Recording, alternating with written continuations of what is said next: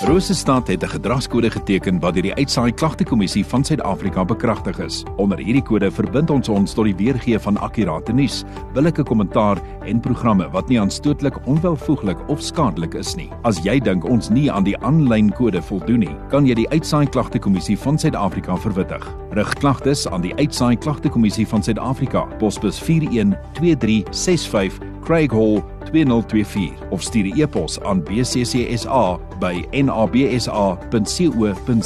Vir verdere inligting, besoek www.bccsa.co.za.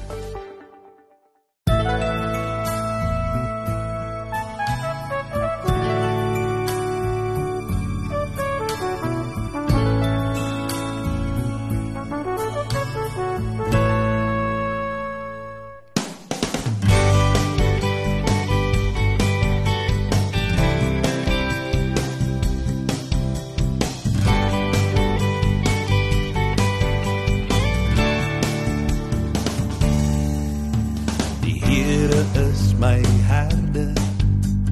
Niks sal my ontbreek nie.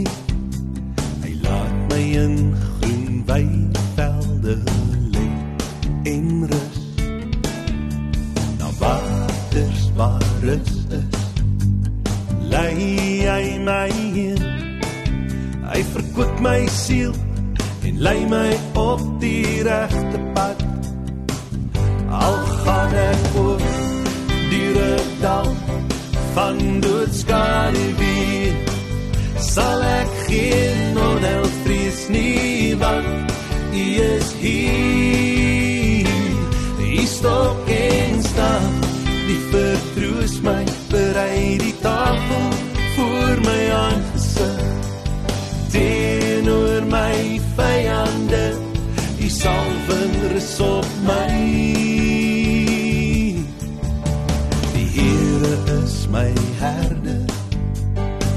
en ek kom niks kort nie. Die maak my beker propvol sodat dit oorloop. Net dit wat goed is sal met my gebeur en ek sal by u bly vir ewig al gaan ek oor deur dal van doodskade weer. Sal ek geen onheil vrees nie want u is hier. U stop geen stap die vertroos my berei die tafel voor my aangesig. Teenoor my vyande u salwing rus op my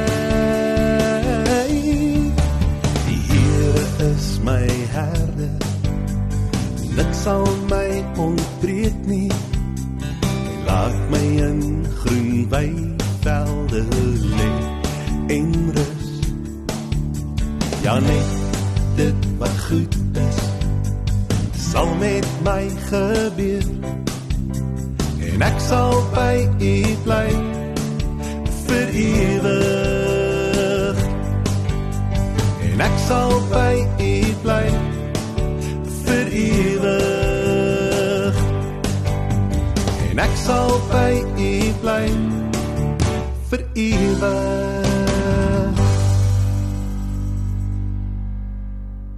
Goeiemôre.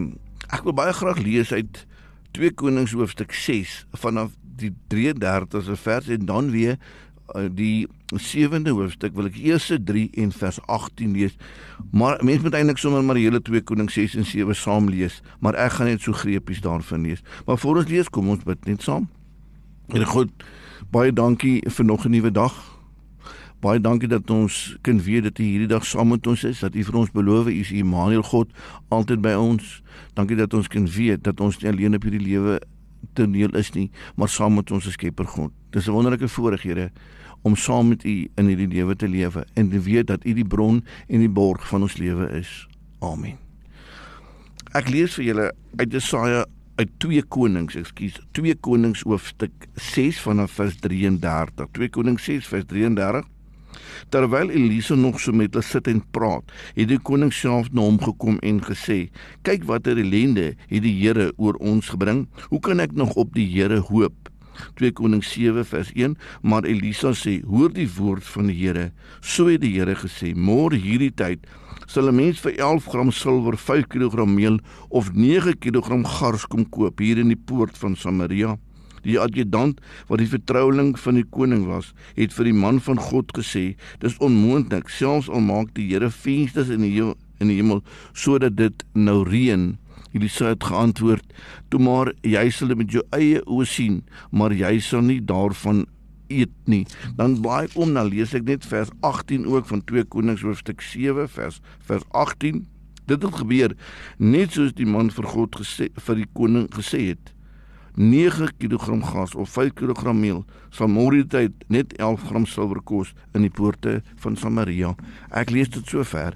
Die Here seën sy woord is eintlik 'n baie skrikwekkende verhaal wat ons hier in Konings 2 6 en 7 voor ons oë so sien gebeur. Dis ongeveer 850 jaar voor Christus in Samaria wat die hoofstad was van die noordelike koninkryk van Israel word nou deur die Arameërs aangeval en beleer. Die gevolge is maar net verskriklik. Nou in daardie omstandighede, soos eintlik in alle hartseer en lyding en swaarkry, begin dan mos 'n vraag in ons hart nie: Waar is God nou? Wat moet ons nou van God se sorg dink? Ja, wanneer dit lekker reën en en ons en ons voel staan wywend op die lande, wanneer ons vee blinkvet in ons kampe staan, wanneer jou finansies gesond is en die gesondheid na wense is, wanneer jou kinders welvarend en gelukkig is, dan is dit maklik om oor God se sorg te praat.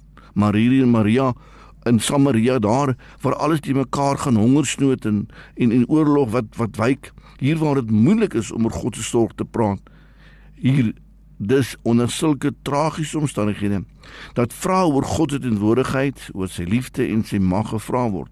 Nou ek kan my goed voorstel dat die inwoners van Samaria met hierdie vrae in hulle hart gesit het. Trouwens, ons hoor hier hoe dat koning Joram van Israel reeds met die hulp van God as hulpelose saak afgeskryf het. Wanneer 'n vrou in haar nood kom vra, "Help my asseblief, U Majesteit," dan antwoord die koning, "As die Here jou nie help nie, hoe kan ek jou help?" Selfs die Elisa sê die koning, "Kyk watter ellende het die Here oor ons gebring. Hoe kan ek nog op die Here hoop?" Dis daarom seker die diepste van jou wanhoop wanneer 'n mens, God se kind, sy skepsel, dink en beleef dat die laaste steunpunt van jou lewe, die laaste uitweg God nie meer vir jou is nie, maar teen jou. Dis 'n hopelose situasie en vanuit hierdie lewensgevoel verloor 'n mens die laaste ding wat enige mens staande hou, jou hoop. In elk geval, die situasie van Samaria is haglik. Mense in totale ontredding, sonder God, sonder hoop. Maar ergens tussen die mense, tussen die mense wat heil sig soek in hulle verlatenheid, daar agter die hoë mure van Samaria, waar menslike ellende tot afgryslike dade gedryf word, daar was God. Want sê die Bybel, so teen skemeraand hoor Elisa Elia die stem van die Here tog wonderlik nie as 'n mens die oomblik van jou diepste nood die stem van die Here kan kan hoor. En met monde van Elisa kom daar 'n ongelooflike boodskap. Mense, môre hierdie tyd sal mens vir 11 gram silwer, 5 kg meel of 9 kg gars kom koop hier in die poort van Samaria. Belaglik het die mense gedink, want daar was niks meer in die stad nie, geen kieseltjie kos nie. Die beloofde meel en gars kom nie uit die stad self nie. Alles was op. Dit kom nie van buite af ingevoer word nie, want buite om die stad lê die Arameese leer en wag om die stad die doodslag toe te dien. Hierdie was 'n saak met totale onmoontlikheid. Daarom is die adjutant van die koning se opmerking nugter, 'n realistiese opmerking. Hy sê dis onmoontlik. Soms al maak die Here vensters in die hemel sodat dit nou reën. Wat hy bedoel is kyk al het reën God vandag nog. Die graan moet geplant word, dit moet groei, dit moet skiet en dit moet are maak.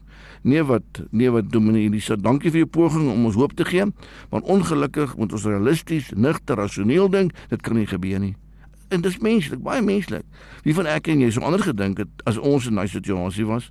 Trouwens, ons aanvaar ook maar baie lewenssituasies so ons aanvaar maar hieraan kan tog niks gedoen word nie die siekte sal maar sy gang gang finansiëel niks wat ek meer kan doen nie dis onmoontlik dat my man of my vrou verander dat daar weer blydskap in ons huis kan wees en dan sit ons in nigter en dan oorweeg ons ons feite En dan kom ons tot dikwels tot logiese realistiese gevolgtrekkings. Hierdie saak is onmoontlik. Dit is onmoontlik sê die adjutant. Selfs al maak die Here vensters in die hemel. En so word dit nag oor Samaria. En die volgende oggend toe koop die volk meel en gars in die poort van die stad. Ja terwyl God geen faktor meer was in die denke van die inwoners van Samaria nie terwyl hulle God se teenwoordigheid, sy liefde en mag volledig afgeskryf het en alle hoop laat vaar het, was hierdie mense met ellende in die gedagtes van God en buite op die veld van Samaria verjag God die Arameërs. Net waar jy kyk hardloop hulle vreesbevange laat hulle alles agter. Paar malaatse manne ontdek dit en gaan rapporteer in die stad en toe storm die verhongerde mense deur die poorte om die Arameërs te gaan plunder. Met eens is daar oorvloed In hierdie ongelooflike verhaal van redding wys God maar net weer wie hy werklik is. Die God wat teenwoordig is, wat magtig is en met verlossingsliefde na die mens toe kom. En dis die styl van God dwars deur die heilsgeskiedenis. Die verlossing van Samaria uit die beleg van die Arameërs, waar God as dit ware die poorte oopbreek om sy volk na oorvloed te lei. Dis maar 'n enkele bewys om vir ons te sê, mense, julle God is 'n God wat teenwoordig is, wat liefhet. En wie nog hieraan twyfel, moet maar net aan die kruis van Jesus kyk en aan die opstandingsgraf en aan die gees wat jubelend oor die wêreld uitbreek.